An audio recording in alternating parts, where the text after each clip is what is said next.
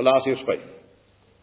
Nou sê Paulus: "Staan dan vas in die vryheid waarmee die Messia ons vrygemaak het en laat julle nie weer onder die juk van diensbaarheid bring nie." Kyk, ek Paulus sê vir julle dat as julle julle laat besny, die Messia vir julle tot geen nut sal wees nie. En ek betuig dit weer aan elke mens wat hom laat besny dat hy onder verpligting is om die hele wet te onderhou. So, as jy jou laat besny, moet jy terugkeer na al die Ou Testamentiese rituele, na al die Ou Testamentiese wette. Julle wat geregverdig wil wees deur die wet is losgemaak van die Messia. Nou watter wet? Dis nou nie die 10 gebooie nie, geliefdes. Hulle wat die wet van die besnydenis wil doen. Hulle wat die wette van rituele wil nakom. Hulle is losgemaak van die Messia. Julle het van die genade verval. En dis regtig waar wat Paulus skryf. Weet u, hoe lank gelede het hierdie man geleef op aarde en gepredik? En ek kan hom presies napreek vanaand. En ek verstaan vir Paulus dag lig helder Kyk eens wat skryf in die 6de hoofstuk van Efesiërs. Hy sê kyk met watter groot letters ek met my eie hand aan julle geskrywe. Almal wat 'n mooi vertoning in die vlees wil maak, die dwing julle om julle te laat besny, net om ter wille van die kruis van die Messia vervolg te word. Skus tog, net om nie ter wille van die kruis van die Messia vervolg te word nie. Want ook hulle wat besny word, hou self nie die wet nie maar wil hê dat julle besny moet word sodat hulle in julle vlees kan roem. Kyk net hoeveel besnydenis stap saam met my op die pad. So hulle is besig met die vlees. En ek ken vanaand mense in hierdie land wat hulle laat besny. Jy kan maar gaan oplet, hulle is besig met die vlees. En dis 'n verskriklike tragedie. En hulle val weg en hulle val al verder weg van die wonder in Yeshua. Hulle val al verder van hom af weg. Ek het 'n benoudheid in my hart. Dit lyk vir my sommige is nooit weer bereikbaar nie. Ek wil vanaand in die naam van Jawe oor hierdie saak baie helder en baie duidelik wees, geliefdes. Ek wil ten volle met Paulus saamstem, my vereenselwig met die vergadering in Jerusalem soveel eeue gelede. En ek wil sê elkeen wat hom laat besny, het van die genade van Yeshua verval. Goed, dan gaan ek aan. Amper wil ek nou vir u laat vra vra.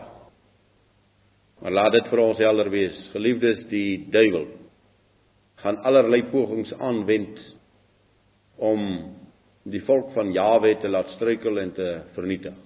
Allerlei. En as hy die mag gehad het om vir Yeshua skrifteks te kom lees of te kom voorhou in sy versoeking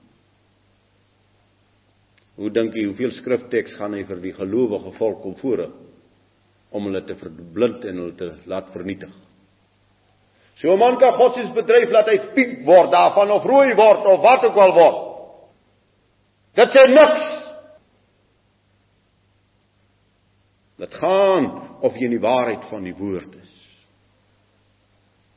En hier sit nie een van ons vanaand Wat kan sê maar ons sal nie onder die versoeking van die Satan val om hierdie skrif verkeerd te vertolk nie of weg te val van die waarheid nie. En ek moet baie duidelik stap vir stap deur die skrif gaan.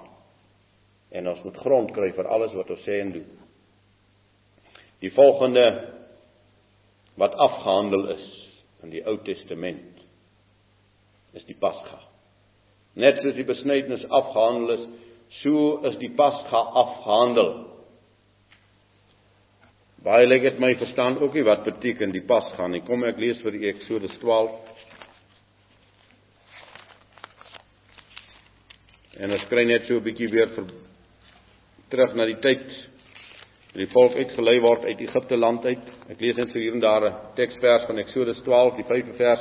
Julle moet 'n lam hê sonder gebrek, 'n jaar oud lammetjie van die skape of van die bokke kan julle dit neem. Vers 7. En julle moet van die bloed neem en dit stryk aan die twee deurposte en aan die boordrempel aan die huis waarin julle dit eet. 13. Maar die bloed sal vir julle 'n teken wees aan die huise waarin julle is. As ek die bloed sien, sal ek by julle verbygaan. En daar sal geen verderflike plaag onder julle wees wanneer ek Egipte land tref nie. Vers 14 en hierdie, nou moet jy weer kyk. En hierdie dag moet vir julle 'n gedenkdag wees en julle moet dit as 'n fees tot eer van Jahwe vier. Julle moet dit vir julle geslagte as 'n ewige insetting vier. Jy sien, nou kom hulle weer, nou kom lees hulle weer ewige insetting vir julle geslagte. En daar steek hulle vas. Maar hulle kom nie by die wonderlike ek praat nou van die wat weer Pasga gebruik in hierdie land. Hulle kom nie by hierdie wonderlike dat met die verbygaan van hierdie ou verbond in sy rituele handelinge van bloedoffers en diere wat geslag word is afgehandel.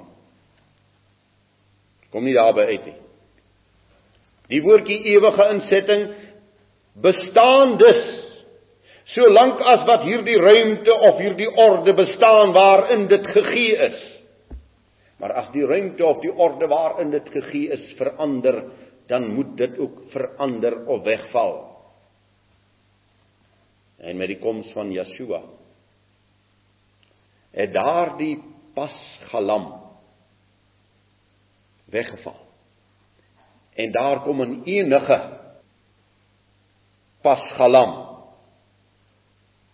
Jesaja 53 vers 7 getuig van hom dat hy 'n lam sal wees wat gelei word na die slagbank sonder om sy mond oop te maak.